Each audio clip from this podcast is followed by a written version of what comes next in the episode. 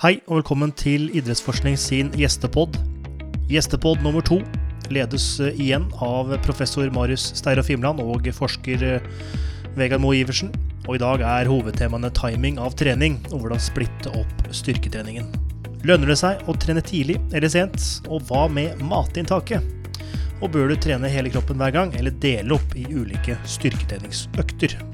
Og som vanlig så vanker det noen tips på hvordan man kan holde stanga i benkpress. Og hvis du skal ta kun ett kosttilskudd, hvilket burde det være? Og med det så ønsker jeg deg en god lytting. Hei, alle sammen, og velkommen til vår gjestepod nummer to her på Idrettsforskning. Takk til Tom Erik og Matthew som eh, har latt oss eh, få ha de her episodene. Veldig artig for oss. Og forhåpentligvis eh, artig og lærerikt for dere som eh, hører på. For dere som ikke har hørt episode nummer én av de her gjestepodene, så heter jeg eh, Vegard Moe Iversen, forsker og forskningsrådgiver på NTNU.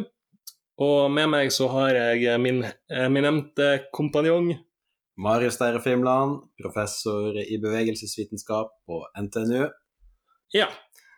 Og eh, bare for å hoppe rett i gang, eh, for de som er interessert i å høre mer om hvem vi er, så eh, er det mulig å gå tilbake og høre på de gamle episodene. Det vil jo nesten si et krav, at man bør jo høre episode nummer én, hvor, du, eh, hvor vi snakker om eh, bl.a. at hip thrust er jo en seriøst macho-øvelse. Absolutt. det- Absolutt. Eh, Men i dagens eh, program da, Marius, så skal vi eh, inn på litt andre ting. Um, For å gi dere et kjapt overblikk, så skal vi snakke litt om et par nyhetssaker. Um, Vi skal snakke om om man bør splitte opp treninga si, eller om man bør kjøre fullkroppstrening. Og eh, vi skal òg se på en sak som går på timing av trening. Altså, bør man trene på morgenen, eller bør man trene på kvelden? Og så selvfølgelig så skal vi jo ha med dagens tips til slutt. Men eh, aller først tenkte vi kanskje at vi skulle trekke frem eh, et par ting fra eh, treningsuka vår som forhåpentligvis òg kan være noen eh, nyttige tips til dere lyttere. Så Marius, vil, eh, vil du begynne?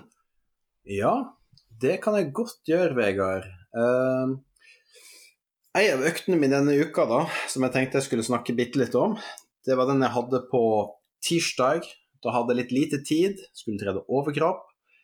Og eh, ja, jeg trener jo splitta opp typisk eh, kroppen i beintrening, underkropp og overkroppstrening.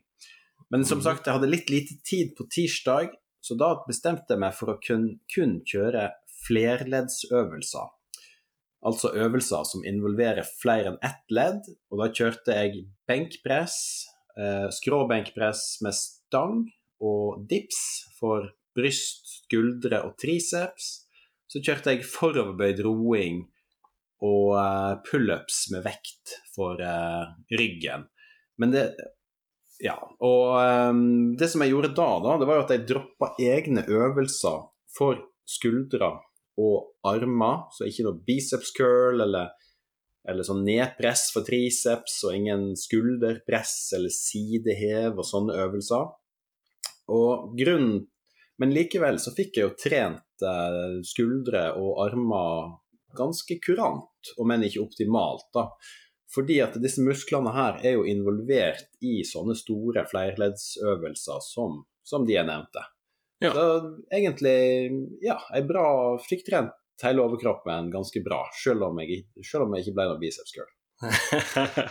ja, altså noen som vil si da har du ikke trent når du ikke har kjørt biceps curl. Men, eh, nei, men veldig bra, Marius. Det er gode tips. eh, Enn du, Vegard? Har du Mm. noen, eh, en, noen økter du vil trekke fram denne uka? Ja, Eller én økt? ja. denne uka her så har jeg hatt ganske mye som har skjedd på jobb og eh, privat, sånn at jeg har hatt litt lite tid til trening. Og eh, så det jeg vil trekke frem fra denne treningsuka, det er egentlig ikke hvordan jeg har trent, men um, måten jeg har lagt inn trening på. Okay. Um, for um, det jeg har gjort uh, for å få til å trene denne uka her, til tross for at jeg har hatt det veldig travelt og har hatt litt lite tid til gode økter, har vært at jeg har um, flytta inn litt treningsutstyr på hjemmekontoret mitt. Mm. Um, og um, Så da har jeg kjørt mange sånne her mikrodoseøkter, da, hvis man skal Hva er en mikrodoseøkt? mikrodose? Ja, mikrodoseøkt, det er økt der man eh, bare gjør én eller to øvelser, noen få sett, noen ganger bare ett sett. Mm. Det gjør det veldig fort, da. Sånn at eh, helt konkret, da, så eh, imellom eh, det ene og det andre eh, nettmøtet, så eh, har jeg kjørt noen sett med skulderpress, og så har jeg kanskje hatt et møte, og så har jeg fått kjørt noen sett med biceps curl, som du ikke har fått gjort. Og så eh, har jeg kjørt noen sett med um, pushups og litt utfall og litt forskjellig sånn innimellom. Men, eh, ja, men hva slags utstyr du tok inn eh, på kontoret da, for å gjøre de her tingene? Ja, godt spørsmål, og det er jo ikke alle som har veldig mye utstyr hjemme. Jeg har jo um, ganske bra med utstyr tilgjengelig, sånn at jeg har tatt inn ei eh, vektstang og noe vektskive. Sånn at jeg har muligheten til å gjøre ganske mye forskjellig. Men folk flest kan jo Det er jo veldig altså Du kommer jo langt med sånn som pushups og, og sånne ting også, hvis du skal bare legge inn litt mikrodosetrening innimellom også. Ja. Og for min del, da, så eh, har jeg et par manualer liggende nede på kontoret. Jeg har også et par på jobbkontoret, for den saks skyld. Mm. Men det er ikke noen stor investering. Du kan Nei. kjøpe de på en sportsforretning for noen hundrelapper, og kan skru på forskjellige eh, vekter på. Og så, ja, jeg gidder aldri å justere de. De er sånn 10-12 kilo. Men eh, hvis du kjører litt, eh, kanskje litt høyreps på litt småøvelser, så kan 10 kilo føles som eh, bly, det, altså. Ja, og det er jo kanskje litt av clouet når man kjører um, trening med litt lite utstyr, at man Da er det kanskje litt viktigere at man tar seg ordentlig ut, da, når man trener. Hvis man ikke har Ja. tilstrekkelig nok vekter til å kjøre noen få repetisjoner. Ja. Så um, Ja, det blir ikke de tunge øktene. Nei, det det blir blir ikke de der eh, litt sånn pumpeøktene. Ja, ja. Skvise ut småøvelser og litt Ja, sånne ting. ja. Men jeg, jeg syns det er en veldig, um, har vært veldig nyttig for meg for å kunne legge inn noen ekstra ukentlige sett. Ja. eh, og få det med, lagt inn i dagen uten at jeg bruker noe mer tid på det, egentlig. Ikke sant? Mm. Når jeg nedprioriterte tida på treningssenteret eh, til de armøvelsene, da, så er det jo òg litt fordi at jeg veit at det kan jeg jo like godt gjøre innimellom noen jobbgreier eller Ikke et sant? eller annet. Ikke For det er så lett. Det Ikke er så sant? kjapt. Ja. Yes. ja. Nei, men eh, bra. Nok om oss, Vegard. Nok om oss. Det- Eh, da, da foreslår jeg at vi hopper videre og inn i uh, nyhetsverden. Ja. Du hadde en eh, sak du hadde lyst til å ta opp i dag, Marius. Um, Mm. Det var den her som gikk på timing på treninga. Ja. Og dette er jo en eh, nyhetssak som ikke er publisert mens vi spiller inn. Jeg ble intervjua om den uh, i formiddag, faktisk. Så jeg har den litt friskt i minne. Så det var litt lavterskel å snakke om uh, her med deg, Vegard. Og timing av trening. uh, og det er jo litt sånn Vi har jo morgenfugler, og vi har nattugler. Eh, og eh, ja. Og eh, noen syns jo det er supert å trene på morgenen, og noen syns det er pyton og vil trene på kvelden. Men de spørsmåla som jeg fikk i dag, da, da følte jeg jo først og fremst for å poengtere at det er ikke kjempeviktig, i hvert fall. Altså sånn effektmessig, hvor tid du trener. Det som alle må ha helt klart for seg, er at eh, det viktigste er at man trener regelmessig. Og for å få til å trene regelmessig, så er det lurt å velge et tidspunkt for trening som passer for deg. At du føler at eh, ja, du har energi til å trene, at det passer det resten av tidsskjemaet ditt. Og så det kan det jo være lurt å holde på noen litt faste tidspunkt, sånn at det blir en rutine, da, sånn at treninga faktisk blir gjort. Og det er jo suverent det viktigste. Um, spørsmål til deg, Vegard. Når på døgnet foretrekker du å trene? Ja, um, hm, ja, hva skal jeg svare på det? Uh, uh, jeg, um, jeg uh, Det varierer avhengig av hva jeg skal trene. Ok? Noen ting syns jeg er veldig greit å trene på uh, Tenkte jeg skulle få et kort svar her. Ja, ok, jeg skal- jeg- jeg skal- jeg skal prøve meg Ta på- deg tida, Vegard. Ta deg tida. Jeg skal prøve meg på et sånn halvkort svar.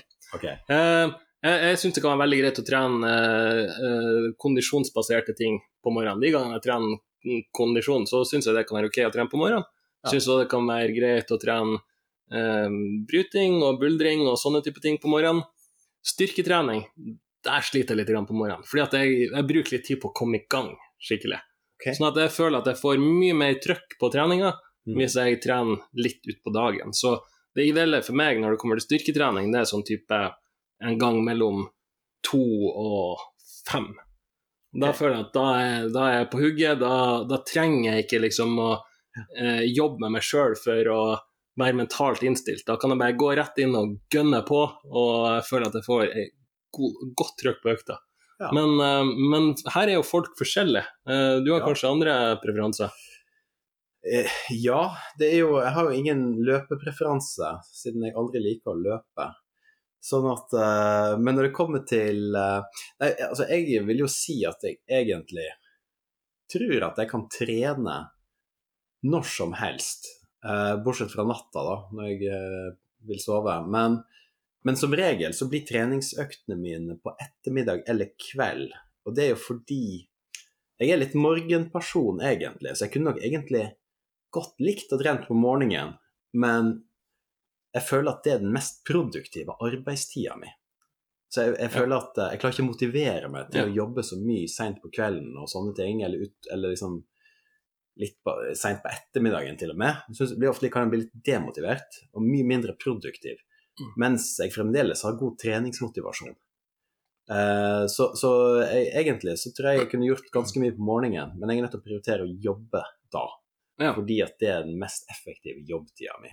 Ja, men så det jeg hører både Ja. du og jeg sier, Marius, det er at uh, vi trener ja. vi syns det er behagelig å gå på trening, og vi har liksom gjort andre ting. Og, sånt, og, og, og det merker jeg jo for min egen del òg, at jeg, jeg kan helt fint trene på morgenen og jeg kan helt fint trene på sent på kvelden, sjøl om jeg foretrekker å trene midt på dagen.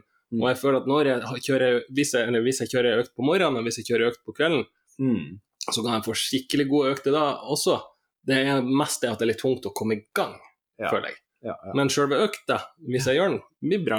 Mm. Men er det det som, eh, som forskninga òg viser, da, at det ikke har så mye å si når på døgnet man trener? For at eh, her har jeg jo hørt mye forskjellig. Det er akkurat det som er problemet, Vegard. Fordi at eh, vi er jo forskere, sant. Mm. Og det som, det som er sånne nyhetssaker som man ofte kan lese om, sant? det er sånne enkeltstudier som Ja. blåses opp. Men det betyr jo ikke at Så de kan jo ha sett på én ting, og så OK, ja, det var best for det å trene på ettermiddagen. Og en annen studie. Å, det var best å trene på morgenen. Så det Ja. kommer litt an på hva man, hva man ser på, da. Og, og så er det jo litt sånn òg, hva tenker jeg Hva er det du vi skal, vi skal komme inn på nyansene og detaljene litt mer, det skal vi. Ja. Men, men uh, dette, dette Ja, det jeg begynte å snakke om, eh, var Altså, hva er det som er målet? Altså, er, mål, er, er den treningsøkta det viktigste for deg? Ja, OK, kanskje du, du da skal trene styrke på, på ettermiddagen. Men det viktigste men, men det er jo også en del folk som trener for å få energi og overskudd, sant? Mm. Og, og en fordel med å trene på morgenen for mange, da, det er jo eh, at man gjerne Ja, du kan våkne litt av treninga, og du kan få i gang hormonresponser, signalstoff og sånne ting, som gjør at du kanskje får bli mer produktiv og fokusert på arbeid, f.eks. Mm. En del syns at det er en god ting, da. Um, og, eh, og også det at når du får de her eh, signalstoffene og hormonresponsene, sant, så kan du jo òg dra nytte av det i en lengre periode. Hvis du trener seint på kvelden f.eks., så skal du jo snart legge deg, ikke sant. Så hvis Mm. du får en oppkvikkende effekt av trening, så er det kanskje ikke det du er ute etter seint på kvelden. Men samtidig, for min del så vil jeg Jeg kan stikke på trening klokka ni på kvelden. Jeg, hvis jeg selv om jeg foretrekker å trene tidligere. Mm. Og jeg liker veldig godt å trene eh, egentlig rett etter jobb. Fordi at jeg føler at jeg blir litt nullstilt. Det vil si at jeg har vært i møter og diskutert eller sittet med noe tungt tenkearbeid. Så trenger jeg å få tankene over på noe annet. Ja. Og for min del så føler jeg at jeg, liksom, jeg får ikke så mye energi av å gå hjem og legge meg på sofaen og daffe. Nei. Det er ikke det som funker for meg. Jeg trenger å bevege meg litt. Mm. Jeg kan få det samme ved å sykle 20 minutter litt uh, fort hjem fra jobb. Da, da kjenner jeg at det hjelper. Men hvis jeg har hjemmekontor, så trenger jeg å komme på trening for å Mm. nullstille meg og ha ja, få god, godt utbytte av ettermiddagen og kvelden. da. Ja. Så det er, en, det er noe som funker for meg. Mm. Men hvordan er det da hvis man, hvis man trener sent på kvelden, går det ikke utover søvnen? Jo, det kan det gjøre. Og, men det er litt sånn, og der har jeg sjekka opp litt forskning på akkurat det temaet. Og, men jeg skal først begynne å snakke om mine egne erfaringer. Ja, Nei, men hvis jeg kjører, og, det, og det stemmer med forskninga, da. Ja. At hvis jeg kjører ei veldig intensiv økt, f.eks. Eh, hvis jeg trener brasiliansk jiu-jitsu, da, som er jo en, en kampsport hvor du bryter ganske intenst med andre. Eh, og da, da, er jeg så, da er jeg så sliten og, og varm i kroppen og aktivert at hvis jeg gjør det seint på kvelden Jeg husker jeg har vært på noen sånne økter fra åtte til ti Mm. eh, og sånt. Det var før koronatida, det har vært litt lite etter, men og ingenting under. Men, men da, da kunne jeg slite med å sove etterpå. Da måtte jeg Mm. bare sette meg i sofaen og se på serier i et par timer nesten. Ja. Og det er ikke spesielt gunstig, sant? for da går det jo ut Jeg må jo opp på morgenen neste dag og sånne ting. sant? Ja. Ehm, så det, det kjente jeg var ikke spesielt heldig for meg. Og det er òg det forskninga viser, at hvis du har in harde, intensive treningsøkter seint på kvelden, så kan det gå utover søvn. Så Mm. det som eh, en eh, sånn eh, oversiktsartikkel anbefalte, det var å i hvert fall, avslutte økta minst én time før leggetid. Hadde, Mm. Men det, de øktene der, da var ikke det nok med én time før leggetid. Du måtte i hvert fall ha to timer Mm. før leggetid. Eh, så dette er nok litt individuelt også. Men hvis det er lettere trening, og det er jo, så er ikke det noe spesielt tema, og det kan til og med rapportert i noen studier til å kunne fremme bedre søvn. Og sånn som yoga, da, Mm. det er det jo mange som liker å avspenne med og stresse ned med på kvelden. Sant? Kjøre i gang en yogasnutt, eh, rolig yogasnutt på YouTube f.eks., og, og gjøre det i ti minutter før du skal legge seg. Som føler at Mm. det funker kjempebra, da.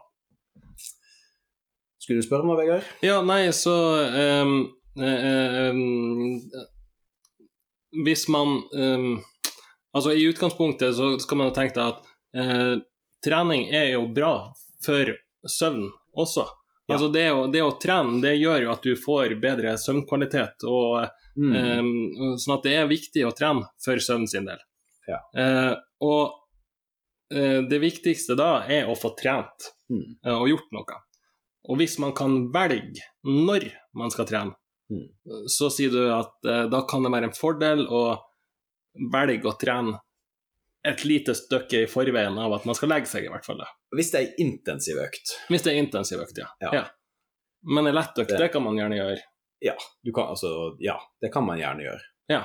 på kvelden også. Og, og det, det virker å være ganske uproblematisk. Men Ja. igjen da, så vil jeg jo stre eh, stresse det at dette er ganske individuelt. Ja. Så, så folk trenger egentlig ikke å bry seg så mye om Nei. hva forskninga sier. Nei. For forskning er gjort på gjennomsnitt av mange folk. Ja. Og det er store individuelle variasjoner. Mm. Så føles det bra å trene på kvelden, så er det riktig for deg å, føles, å trene på kvelden. Ja. Føles det bra å trene på morgenen, så er det i utgangspunktet riktig for deg. Men en ting som jeg vil poengtere, da, og det kan jo være grunner til at noen har lyst til å trene på morgenen, eh, for, eh, selv om de kanskje syns det egent, foretrekker egentlig å trene på kvelden. Mm. Eh, da kan man, hvis man gjør det over litt tid, så viser det seg at kroppen tilpasser seg det. Mm. Så, så man må gi det noen uker før man bestemmer seg. Så hvis du f.eks. har lyst til å få inn trening eh, litt tidlig fordi at du vil prioritere familie og sosialt liv og andre aktiviteter på kvelden, eh, så går det an å venne seg til det, selv om ikke det faller naturlig for et det en vil kalle for et B-menneske, kanskje. Ja. Men en annen ting da som jeg eh, vil eh, nevne, er jo at på morgenen så har man eh, litt lavere kroppstemperatur, Mm. og mange opplever at muskler og ledd er litt sånn stivere og sånt. da. Sånn Ja. det som man kan gjøre om morgenen, da, det er å starte litt saktere, litt roligere Mm. med øktene der, for å få tid til å få bli god og varm i kroppen og, og sånne ting, da. Og det var egentlig akkurat det som jeg eh, tenkte på i stad når jeg sa at jeg liker å trene styrke litt ut på dagen, og kan eventuelt trene bryting eller andre ting på morgenen. Ja. Fordi at da kan du ha en litt mer sånn gradvis tilnærming til det. Og som sagt, de gangene jeg trener styrke på, på morgenen, for det skjer jo det òg, Mm. da, da har jeg en litt mer sånn slow approach til det. Ja. Og da kan det faktisk hende at jeg varmer opp òg, sjøl om vi tidligere har snakka om at uh, oppvarming ikke nødvendigvis er veldig viktig for. Å få effekter av styrketrening, så får jeg mer velvære av økta hvis jeg varmer opp litt. Hvis jeg står opp om morgenen og jeg føler meg kald og stiv i kroppen, Ja. da, kan det være, da syns jeg at det kan være greit å varme opp litt før jeg går i gang med de tunge løfta. Og, og det, ja, det, det, sånn tror jeg mange vil ha det. Ja. Så på, og vi har, det er jo en ja, det er vel en sånn typisk halv grad forskjell i temperatur, tror jeg, cirka på folk flest fra morgen til kveld også. Ja. Så, så det er nok eh, lurt å ha litt, litt, i hvert fall Eller så kan man Men for de som løper, f.eks., så er kanskje ikke det en like stor issue. Nei, for da Egentlig. starter man jo gjerne litt roligere, og så Ja. øker man etter hvert. Så da Ja. blir man varm. Eh, en annen ting da som jeg tenkte jeg kunne nevne også, altså timing av trening. Det er jo ikke bare tidlig og seint, men det, det som mange tenker på òg, er jo matinntak. sant? Hvis du skal trene tidlig, eh, må du spise først og Mm. sånne ting. sant? Mm. Og eh, igjen, da, så tenker jeg det du foretrekker, er det som er riktig. Um, og altså hvis man skal løpe om morgenen Jeg ville aldri spist hvis jeg skulle løpe på morgenen. Nei. For du har jo den hoppinga, sant, som gjør at du så jeg, Ja. Så jeg ville synes det var ubehagelig å eh, løpe tett på et Eller sånn rett etter et måltid. Så jeg ville, hvis jeg skal løpe om morgenen, så ville jeg ikke spist. Uh, nå pleier ikke jeg å spise frokost uh, egentlig akkurat nå for tida heller. Uh, men, men generelt, vi har jo vokst opp med å høre at frokost er dagens viktigste måltid. Men det er jo bare tull. Det er ikke noen det fins ingen måltid som er superviktig. Viktig er at du får i deg det du trenger. Og hvis du liker å spise mange, flere og mindre måltid, så kan du gjøre det. Og hvis Mm. du vil spise færre og større måltid, så kan du også gjøre det. Men hvis du ikke spiser før du trener, så kan det jo være lurt å, å spise ikke så lenge etter du har trent, iallfall. For å fylle på med næringsstoffer og starte restitusjonsprosessen til neste økt. Proteinsyntesen og osv. Um, så uh, ja. Men, det var, altså, men løping er jo én ting, sant? Fordi at du kan lett få sting og ubehag eh, pga. den um, hoppinga. Mm. Men hvis du skal sykle, så, går, så kan man tolerere både Mm. væske og matinntak bedre, da. For du slipper Du har ingen sånn hoppende bevegelse. Så Men igjen, altså, men jeg tenker folk må bare prøve seg fram. Ja. Det er det viktigste. Ja. Så man, det betyr at man eh, eh, når det kommer ei overskrift i avisen om at eh, tren på morgenen, så får du bedre styrkefremgang, og så dagen etter så kommer det tren på kvelden, så øker du i muskelmasse, så trenger man egentlig ikke å forholde seg så mye til det. Fordi at da er det kanskje eh, En minimal forskjell, og jeg tviler, Ja. jeg tviler egentlig på at det er noen som helst forskjell, egentlig. Ja, og, og det her det er jo egentlig en sånn ting som vi er litt opptatt av, Marius. Det å, å, um, å, å gjøre trening tilgjengelig for folk. Ja. og gjøre det enkelt. Uh, og, og det- trenger ikke å være veldig komplisert. Eh, tren når det passer for deg. Slett. når, når du føler at du har tid til det, og du føler at du har overskudd til det. Ja. Eh, ja. Men Vegard, du Mm. nevnte altså du, du ser en overskrift, sant. Mm. Og jeg har Jeg leste akkurat en artikkel i New York Times, og som jeg så var Den var slått ganske stort opp i de store avisene verden rundt. Og det fortjener den ikke. Og nå skal jeg kort fortelle, da. Ja. Altså Det er for så vidt en litt interessant studie, men den har viktige begrensninger. Og Det var en studie som kom nå i 2021 av eh, Mansilla og kollegaer, publisert i tidsskriftet Physiological Reports, som antyda at personer som hadde litt sånn livsstilsproblemer, da, de var under risiko for å utvikle diabetes type 2. De hadde litt overvekt, de var i dårlig form, de hadde et da forstyrra stoffskifte, da. Med det så mener jeg lav insulinsensitivitet, høyt blodsukker, høyt blodtrykk, høyt eh, kolesterolnivå. Og de da sammenligna i den studien her eh, trening på tidlig og trening litt seinere. Ja. Og programmet som de gjorde i tolv uker, det var utholdenhet, sykling 30 minutter hver økt. Og så hadde de et styrkeprogram som var et fullkroppsprogram. Sånn, ehm, ja, og det, og det de rapporterte, da, det var at de som trente på ettermiddagen, hadde bedre effekter på det som kalles for metabolsk helse. Altså metabolismen er jo det samme som stoffskift eller forbrenninger. Mm. Så prosessene i kroppen som går. Og med det, da, de hadde bedra insulinsensitivitet. Eh, og de hadde også redusert fettmasse, da. Mer redusert fettmasse hvis de trente på ettermiddagen enn på morgenen. Og han som var en av forfatterne, spekulerte i at dette kanskje var pga. en påvirkning da på måltidene som man spiste på ettermiddagen og kvelden, Mm. Uh, i kombinasjon med døgnrytme på en eller annen måte. Men det var spekulasjoner, dette visste ikke de så masse om. Men det som er en viktig begrensning med, med studien, da, det at eh, for Ja. det, det, det betyr at denne studien her visste at det var best å trene på ettermiddagen. ja, Ja. for For de med For, diabetes eh, type 2, eller risiko for ja, diabetes. risiko for ja. det, og på, på, på da fettma mer reduksjon i fettmasse og en Ja. litt bedring av sånne blodprøveresultater. Ja. Men problemet da, i den, var at denne studien var egentlig ikke designa for å undersøke forskjeller på trening på ettermiddag og morgen.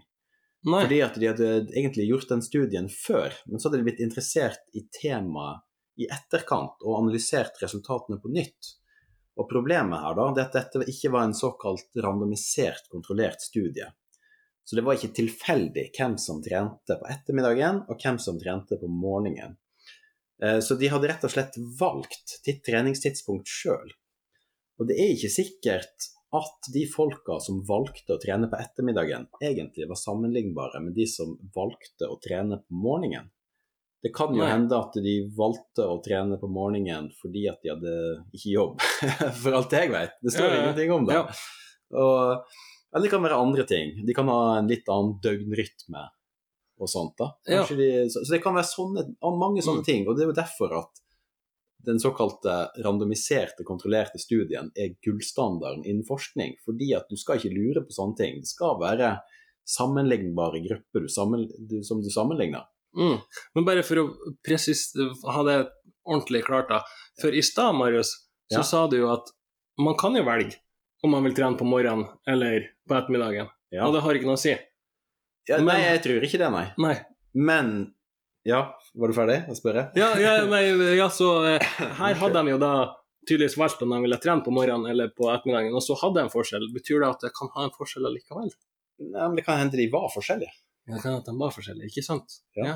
Så, så poenget er at den forskjelligheten, da, Mm. som vi skal ikke lure på om den var der. fordi at de skal, det, det burde vært loddtrekning om hvem som trente på Ja.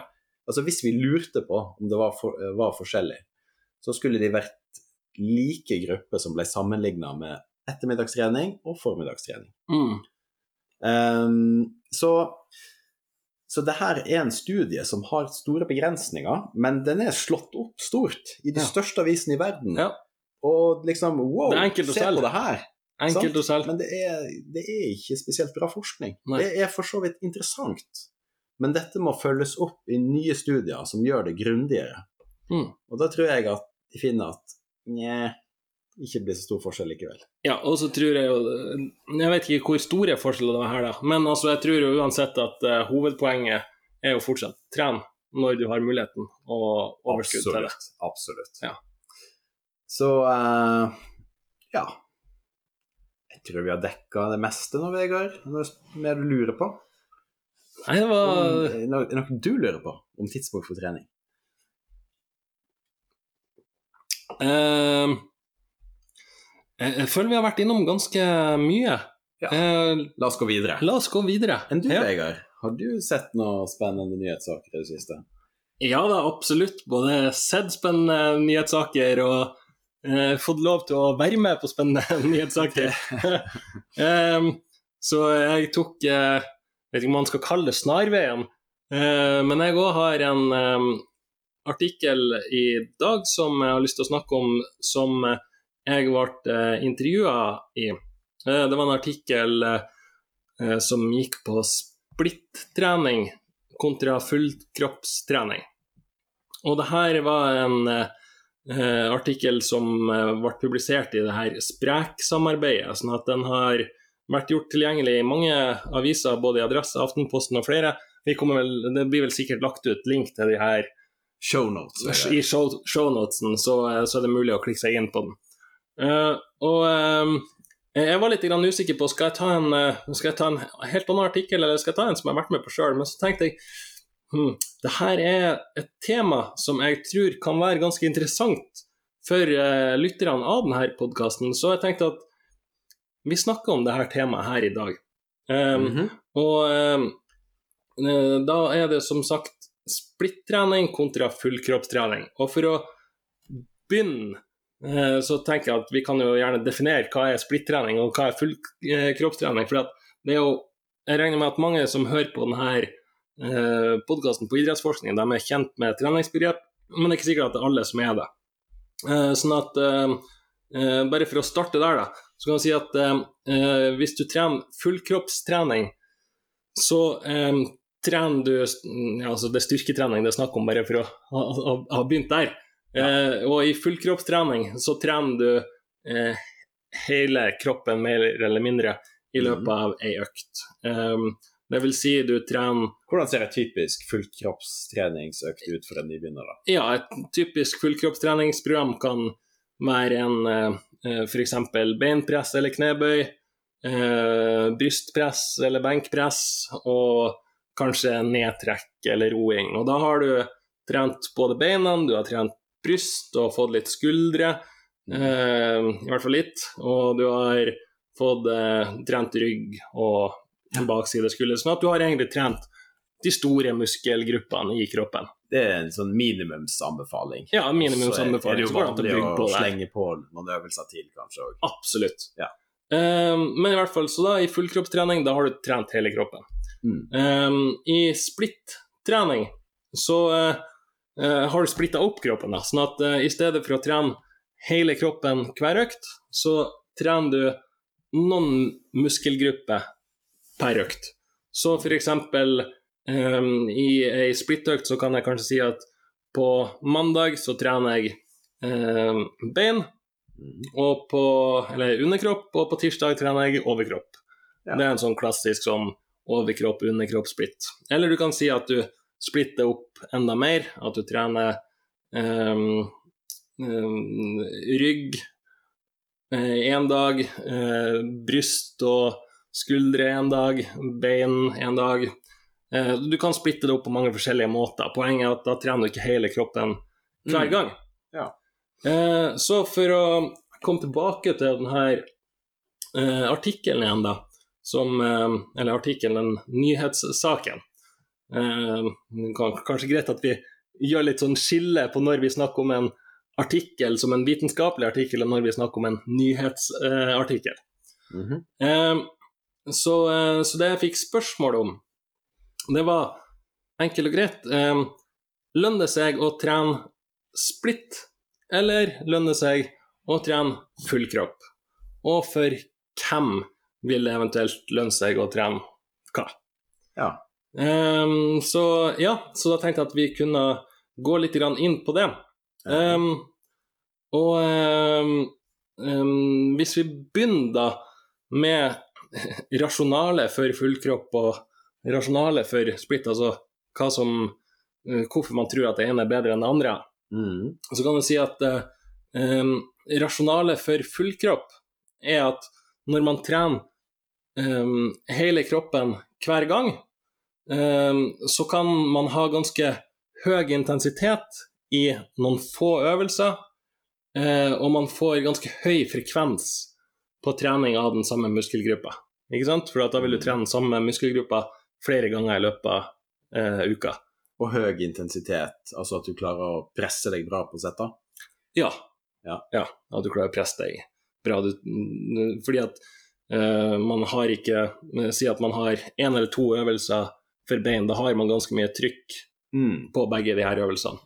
Eh, mens i, i, i splittrening så, så eh, hvis man eh, ja, Hvis man inkluderer veldig mange øvelser eh, for en muskelgruppe, så vil kanskje intensiteten eller eh, hvor mye man Vekta du kan løfte, Ja, den vil dette litt etter hvert. repetisjonene blir redusert. Eh, så eh, i hvert fall rasjonale for eh, full kropp, høy frekvens på trening av samme muskelgruppe. Eh, I splitt-trening så har man jo litt lengre hviletid mellom hver gang man trener den samme muskelgruppa. Mm. Eh, fordi at da trener man kanskje muskelgruppene én eller to ganger i uka, og man får ganske lang tid imellom. Eh, og, eh, det, og på denne måten å trene på, så kan man få et ganske høyt volum. Eh, fordi at du kan jo trene eh, Hvis du sier at du dedikerer hele økta til bein, så Mm. får du et ganske høyt volum på det. Eh, eh, og hovedargumentet for splitt er at man ja, man kan trene ofte og har eh, et høyere treningsvolum. Fordi at i, I og med at uh, du ikke trener samme muskelgruppa dagen etter, så kan du trene dagen etter. Ikke sant? Mm. Du, du ja. får, du får uh, recovera, uh, henta deg inn igjen deg inn igjen. til neste gang du skal kjøre den samme økta. Uh, og, og det her, det, det ser man òg litt grann sånn her, hvis man ser på eh, eh, På profesjonelle, så ser man kanskje ofte at folk som styrkeløftere, vektløftere, de trener gjerne helkropp i større grad. Mm. Um, og så har man da kanskje tenkt at ja, Men de skal jo i tillegg øve seg på de her øvelsene de konkurrerer i, for de konkurrerer jo bare i tre øvelser. Ja, det er helt riktig. Det gjør de. Uh, men jeg, jeg tror nok det har ført til at det har blitt litt sånn oppfatning om at fullkropp kanskje kan være bedre for styrke. Ja. Uh, og, og motsatt så ser man gjerne bodybuildere som Mm. trener med et høyt volum, og som trener mye. De har kanskje i, i høyere grad sånne her splitt-treningsprogrammer. Ja. Og så har, man, har det vært noen sånne teorier på at eh, styrk, eh, styrke blir bedre eh, fasilitert, eller du får en eh, bedre økning i styrke ved å trene full kropp, Mm. eh, og en bedre økning i hypertrofi eller muskelvekst med å trene splitt.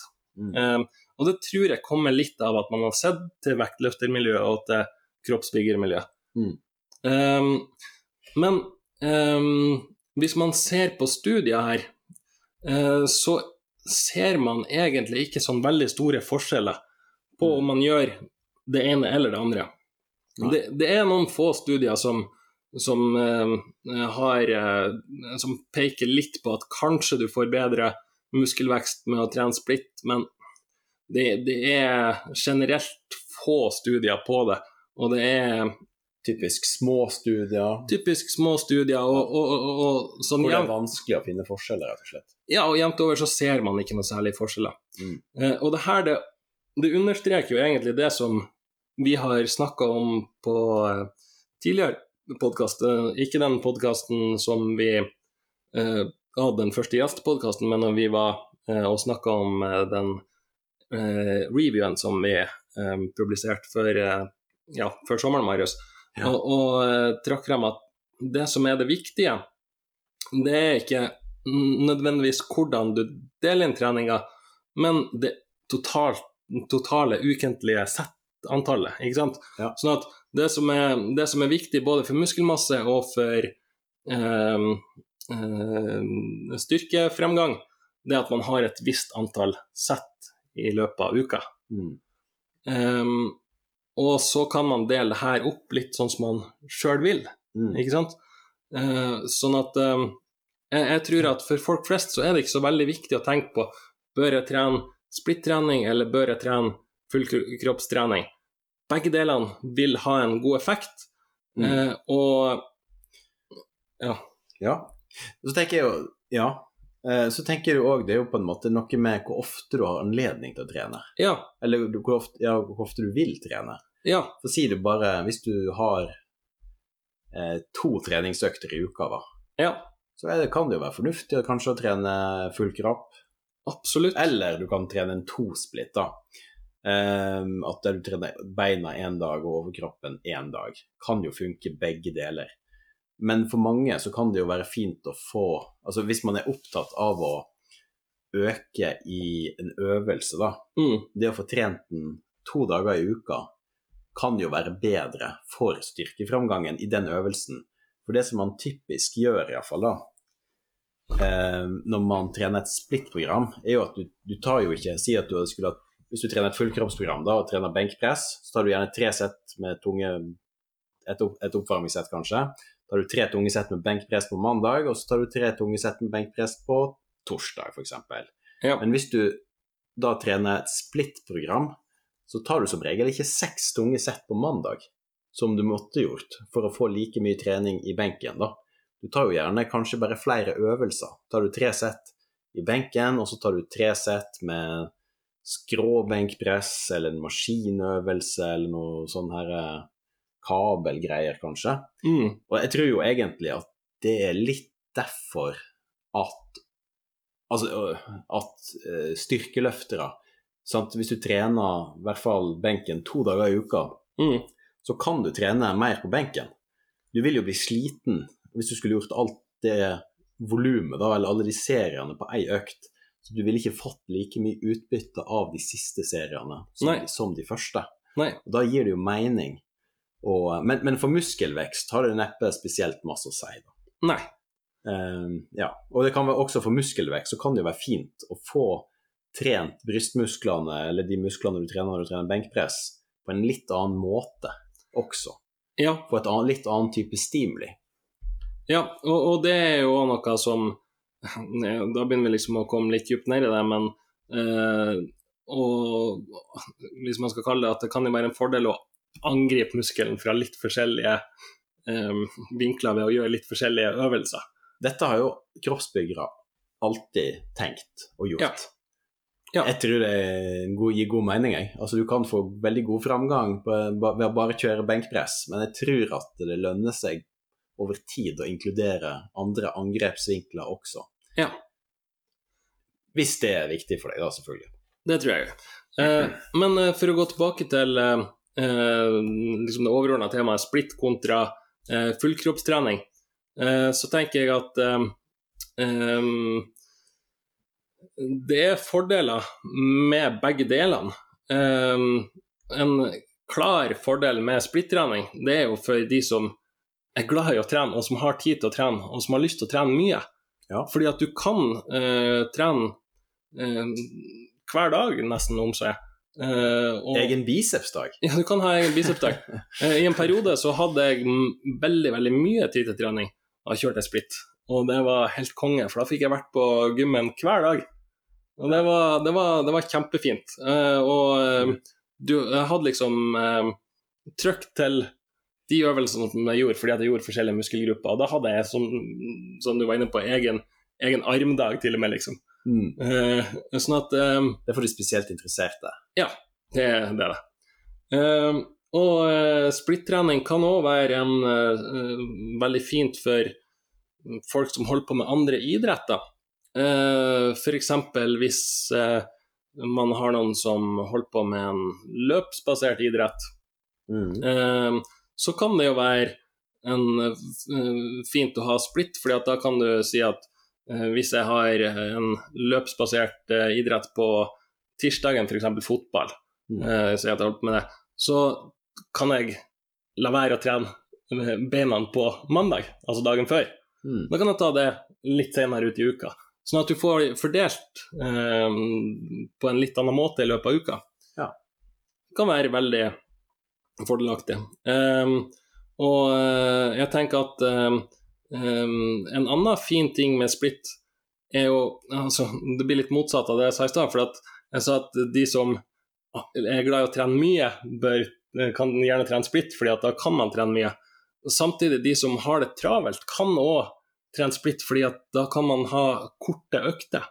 Mm. Eh, og så kan man uh, ha uh, kanskje korte, men flere økter i løpet av uka. Mm. For noen så kan det være lettere å få til enn å ha ei lang fullkroppsøkt. Mm. Um, Jeg har en annen fordel, ja, som er en personlig ting, da. ja, Jeg syns det er veldig fint med den egne beindagen, fordi at jeg føler at eh, når du, hvis du har trent skal varme opp til eh, si knebøy i din første øvelse, mm. så bruker jeg litt tid på å få varma opp hoftene og komme djupt og sånne ting. Men da er jeg jo skikkelig varm etter Mm. knebøy, så det betyr at jeg knapt trenger oppvarming, i hvert fall, Ja. til de andre øvelsene. Ja. Kan liksom egentlig bare kjøre ganske rett på.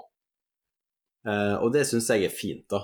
Jeg ikke, hvis jeg skulle kjørt Jeg hadde ikke orka å trene knebøy særlig ofte, for jeg føler at eh, det Og beina generelt, fordi at jeg føler at de, jeg må ha noen flere sett, submaksimale sett på vei opp til treningssettene mine.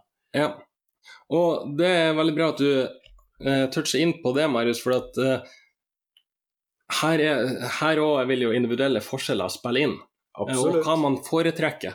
Eh, jeg tipper at hvis man, hvis man gjør eh, en kjempestor studie med masse folk, og så sammenligner man splittrening kontra fullkroppstrening, så vil man ikke finne noen store forskjeller.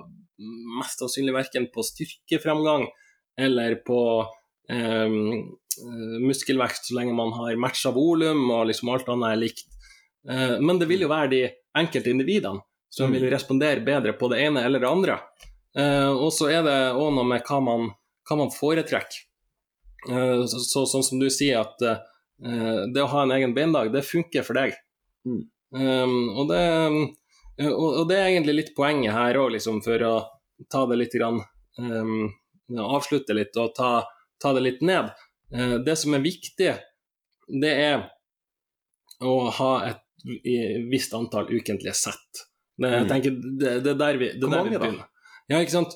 Eh, og der har, eh, sier vi at det er jo noen studier som viser at du kan få en effekt bare av ett sett, men um, for de fleste så, så, så tror jeg nok at man vil ikke få sånn kjempemye effekt, sånn at vi anbefaler fi, minimum fire uh, ukentlige sett. Og det, er, og det er jo fordi at de, eh, de som vil høre mer om det, de kan jo være Ja. klar over at vi har jo en egen episode i idrettsforskning hvor vi intervjuer av Tom Erik og Matthew om den artikkelen vår 'No time to lift'. Ja. og det, er designing time efficient resistance trainings programs for strength, muscle strength and hypertrophy. Så ja, bra, så da har du egentlig dekket den. dagen. trenger ikke gå så veldig mye mer inn. De som er mer interessert i det, kan gå inn på det. Men så, så Men helt kort, Vegard. Helt kort så uh, sier vi uh, tren minimum fire sett i løpet av ei uke per muskelgruppe. Uh, gjerne mer. Det er, det er en eh, viss sammenheng mellom hvor mye du trener og hvor mye du øker i styrke og muskelmasse. Og hvis man kan klare å ligge på rundt, ja, for nybegynnere, da, seks til ti sett eh, Mm. per muskelgruppe per uke. Men for å komme inn på det med splitting og sett, da. Er det noe tommelfingerregel for når du bør begynne å splitte? Ja, jeg, jeg, Du er på vei dit? Jeg er på vei dit. Jeg på vei dit. Eh, og, eh, så i hvert fall hvis man, hvis man klarer å, å, jobbe seg opp til en ti sett per uke, da, da har man god effekt. Eh, og hvis man ikke klarer ti sett per uke, så ta et minimum på ti. Og så er det noen som vil ha god effekt av enda flere sett, f.eks. opp mot en eh, 15-16 sett. Eh, noen vil sikkert ha mer effekt av enda flere sett igjen, men det er det ikke gjort så mye studier på. Og det er ikke eh, veldig godt belegg for å si at det vil ha eh, noe mye mer effekt. sånn at det må man prøve seg litt frem på sjøl. Mm. Um, når skal man begynne å splitte, ja? Um, og når man skal begynne å splitte, da spør vi egentlig om uh, hvor høy frekvens skal man ha? Hvor mange ganger bør man trene i uka? Hvis man trener fire sett i løpet av ei uke og sier at man klarer ikke mer enn det, da kan man få gjort det i løpet av ei økt, tenker jeg. Og du, uh, og du vil få tilsvarende effekt. Mm. Uh, hvis du begynner å komme opp mot en åtte-ti sett i uka, da er det ikke helt praktisk gjennomførbart å gjøre det på ei økt. Da, Nei, for åtte-ti sett med bryst, åtte-ti sett med rygg, åtte-ti sett med bein, det er mye på det er, gans, økt, det er ganske mye. og, så, vet vi jo liksom at um, det, det, du gjør tidligst i økta, det er der du har best, best fremgang, liksom. Sånn at den mm. viktigste øvelsen, den bør egentlig komme først. Men sånn at hvis du begynner å komme opp med en åtte-ti sett i uka, da er det en fordel På en muskelgruppe. På en muskelgruppe så er det en fordel å splitte opp i minimum to økter på ei uke, vil jeg si. Um, og utover det så ser det ikke ut som at det har noe sånn kjempemye å si om man tar ei tredje økt i tillegg, liksom. Mm. Så ja. Ja. Det er greit. Men du nevnte Ja, det var, det var fint. Så skal oppsummere litt går, altså, Nybegynnere vi vil jo anbefale at de, alle, de, fleste som skal begynne å trene, da og Man kan gjerne holde på sånn et, kanskje et års tid mm. Med et fullkroppsprogram som du trener gjerne da to, eller kanskje aller helst tre ganger i uka. Uh, og så etter hvert så kan det Du får si fra hvis du er uenig her nå. Ja, nei, jeg gjør det. uh, og så kan du, hvis du er, kjenner at du er klar for å øke dedikasjonen din, da, eller i hvert fall sier du har tre økter, da, så kan du jo gjerne ta et, uh, en tosplitt da, med bein og overkropp f.eks. At du tar bein mandag, overkropp onsdag og bein igjen fredag. Og når du da skal i gang igjen på mandag, så starter du med overkropp da. Så får du kjørt gjennom kroppen en og en halv gang i uka. Det kan jo òg være en grei måte å gjøre det på, kan ikke det? Absolutt. Eh, og jeg tenker at det er mange måter å splitte på. Ja. Eh, sånn at det, det vil si det for hvis, hvis, man er ny til trening, så er det en fordel å kjøre fullkropp, fordi at da trenger du ikke å lære deg så mange øvelser heller, liksom. Du har noen få øvelser du kan fokusere på og gjøre bra. Um, og så, um, etter hvert som du blir mer erfaren, så kan du legge på flere øvelser. Når man har trent en god stund, uh, så tenker jeg at de man bør prøve seg litt frem. Se hva funker for deg. Funker det med en splitt, eller funker det å kjøre full kropp? Uh, og I tillegg så har du variasjonsaspektet inni her. For, uh, for, min egen del, når jeg trente uh, veldig mye, um, så, så, likte jeg å variere litt mellom å kjøre fullkropps...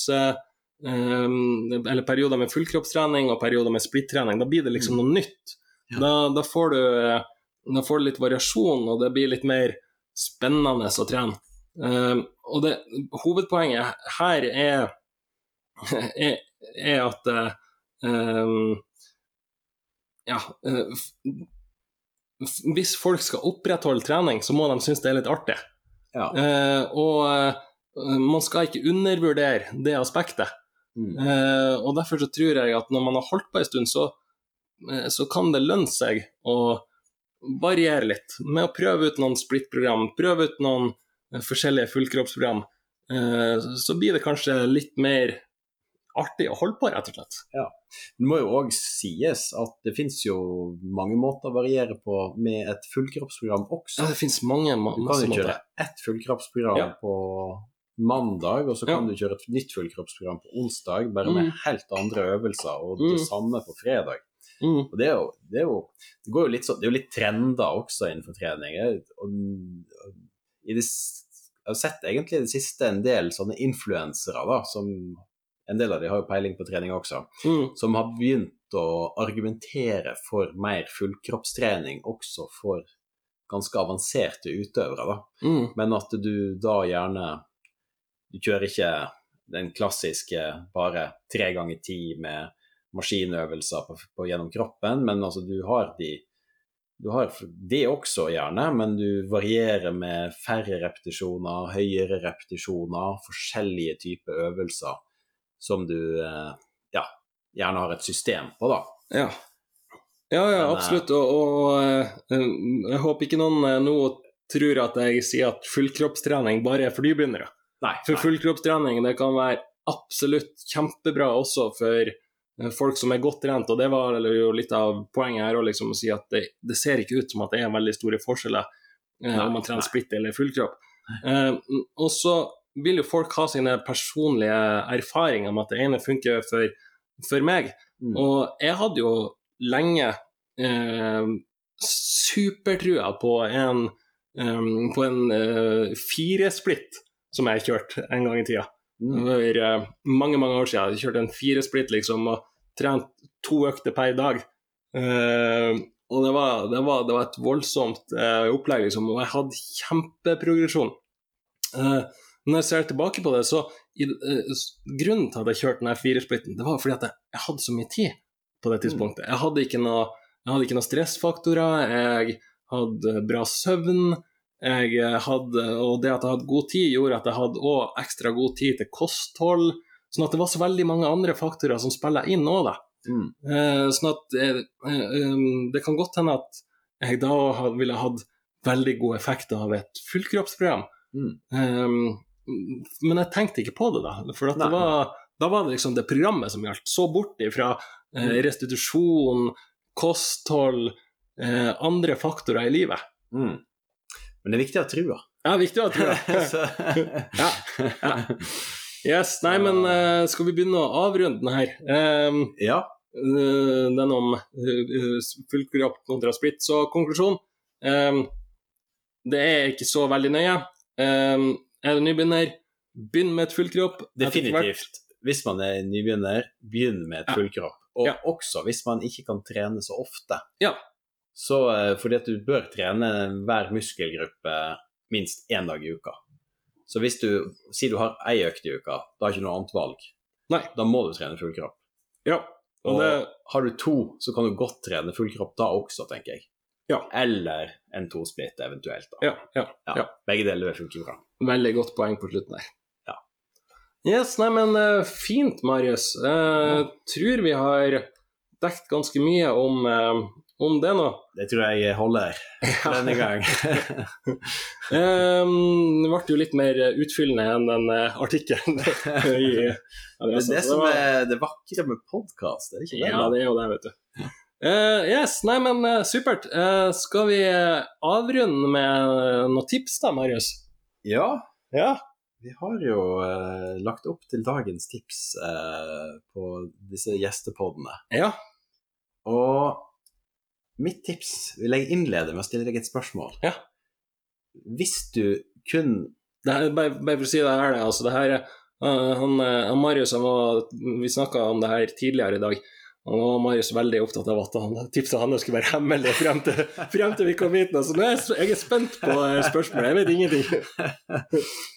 uh, Hvis du bare kunne valgt ett type altså Nå antyder ikke at du bruker mange eh, tilskudd, men ett kosttilskudd, Oi. hva ville du valgt da? Ett kosttilskudd. Ikke sikkert du svarer riktig svar her nå. Nei um, eh, Ja, det er egentlig ganske enkelt. For at jeg, eh, jeg bruker ikke noe særlig med kosttilskudd. Jeg bruker eh, ett kosttilskudd nå, Hva er det, da? eh, og det er kreatin. Gjør du det? Ja, jeg bruker kreatin. Eh, okay. det, det kan vi egentlig ta en, eh, ta en eh, det er feil svar, Vegard. Nja. jeg var jeg, jeg, er spent på, på svaret, men jeg vil bare si veldig kort Bruk, Bruker du ikke noen form for proteintilskudd? Nei, jeg kan ta Eller teller du det bare som mat? Jeg, eh, jeg spiser mat. Og så, Ja. og så har jeg eh, ei jeg, Jeg har ei bøtte med protein, men jeg bruker mest liksom som eh, ja, vaniljeprotein som jeg kan bruke i pannekaker, i smoothie og sånt. Og så hvis jeg okay. har det okay. veldig travelt en dag, så kan jeg ta med en shake. greit. Nei, Kan men, jeg bare få si veldig fort før du kommer videre med nei. Nei, OK, kjør først. Jo da. Eh, nei, grunnen til at jeg bruker kreatin, det er jo fordi at eh, det er kommet en del som viser at eh, kreatin har andre helsefordeler enn bare eh, å øke styrke og muskelmasse. Det har eh, effekter for ja, god effekt på immunforsvar, bl.a. Mm. Eh, det er òg noen indikasjoner, jeg velger å si indikasjoner, for det, det er noen resultater fra noen studier, men det er ikke sånn kjempestore studier, som har vist at det kan òg være bra for å forebygge hjernerystelse. Ja. Uh, I og med at jeg har holdt på med bryting, så får jeg noen trykker i hodet, og da tenkte jeg at ja, den Ja. Ja jeg. Nei, ok, men kreatin er for så vidt uh, Det er lenge siden jeg har brukt det. Jeg klarer aldri å ta det regelmessig. Nei, Jeg det er synes det er så- tiltak å gi seg det kreatinet. Ja, det er litt av problemet. Men, men uh, ok, men det svaret var, svar? det, det, det svaret var ute etter, Vegard, det var et proteintilskudd. Ja. Og, og, og jeg vil jo si at hun trenger ingen tilskudd. Nei. Men det som, det som eh, er egentlig ganske ja, ikke, ikke blant de som trener styrke, egentlig. De er veldig klar over det. Men det å få i seg nok proteiner, og da sånn, gjerne sånn ca. to gram per kilo kroppsvekt, det er gunstig, rett og slett. Både for muskelmasseøkning og det å legge på seg eh, ja, ren muskelmasse, da, uten at det kommer så mye eh, fettmasse med på kjøpet. Eller hvis du skal trene styrke, men ønsker å gå ned i vekt, så kan du beholde muskelmassen. Så, så, eh, så, så et proteintilskudd, det, det er det eneste jeg bruker, da. Og eh, da både i form av pulver, og du, nå er det jo blitt så Til og med proteinbarene har jo begynt å smake godt uten at det er noe særlig sukker i dem Mm. og andre ting, rett og slett. Så, så det syns jeg funker veldig greit av og til. Altså, det, jeg skal ikke promotere det så voldsomt. Poenget er bare at det, det er en kilde til protein, på samme måte som at fisk og kjøtt er det. Ja. Så, Ja, det, det, er en, det er en helt Ja. legit kilde. Det er en bra kilde til protein. Eh, og igjen, da, det, man, man får i seg eh, Hvis man spiser variert og spiser nok, så får man i seg bra med proteiner. Um, men, men skal man ta Så dagens tips er egentlig at det bare Da utvider det litt, da, siden Ja. det kommer kreatingreiene dine, Ja. Vegard.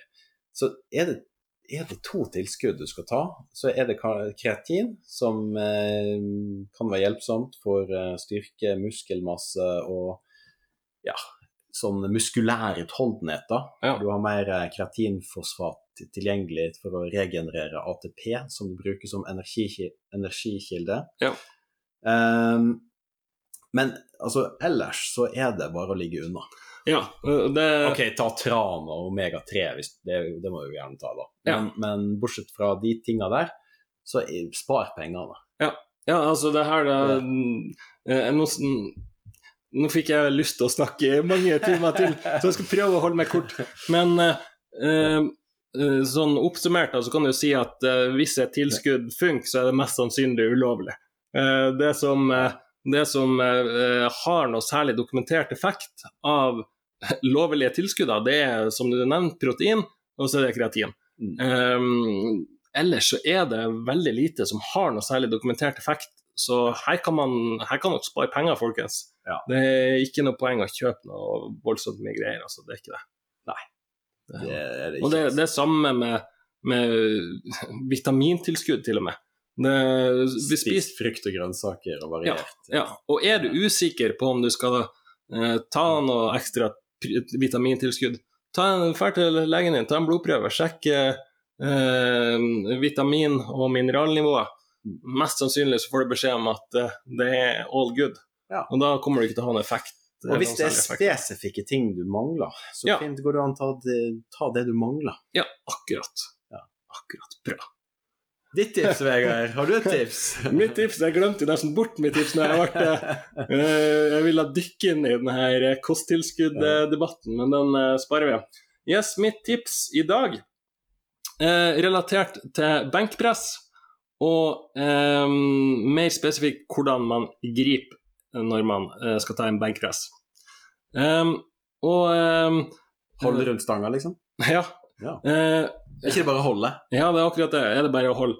Eh, altså, eh, I utgangspunktet så, så tenker jeg at eh, det er bare å holde rundt stanga. Grunnen til at jeg tar opp det her, det er fordi at eh, veldig mange, inkludert meg sjøl, har fått vondt i håndleddet av å trene benkpress. Mm. Sikkert mange som kan kjenne seg igjen. Jeg skulle ønske at jeg fikk dette tipset for mange år siden. Eh, da hadde jeg kanskje sluppet å ha vondt i håndleddet. Eh, og eh, nå sier jeg ikke på noen måte at det er farlig å kjøre benkpress, at, det, at man ikke skal gjøre det for at man får vondt i håndleddet, men det, det er en ting som du kan tenke litt over.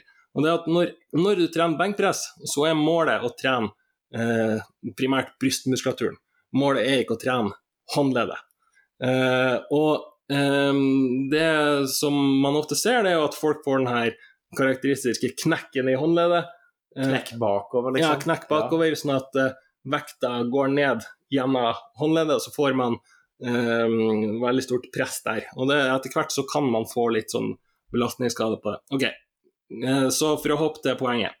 Um, når du griper rundt stanga, uh, så har jeg mm, personlig gått bort fra å tenke at jeg skal gripe rundt stanga.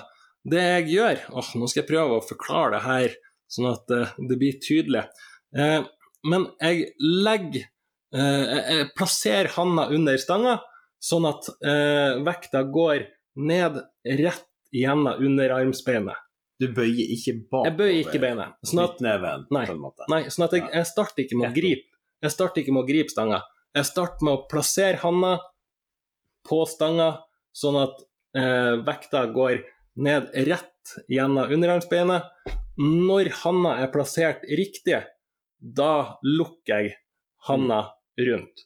Sånn at det, det grepet det kommer helt til slutt. Det er ikke det jeg har fokus på. Hovedfokuset mitt det er plassering av stanga i handa, og at eh, vekta skal gå rett ned gjennom eh, underarmsbeinet, og så griper jeg. Mm. Og da, da lukker jeg egentlig bare fingrene rundt, så jeg er ikke så opptatt av sjøle grepet. Um, og, og, og det er en litt annen approach enn å tenke at man skal legge seg under og gripe stanga.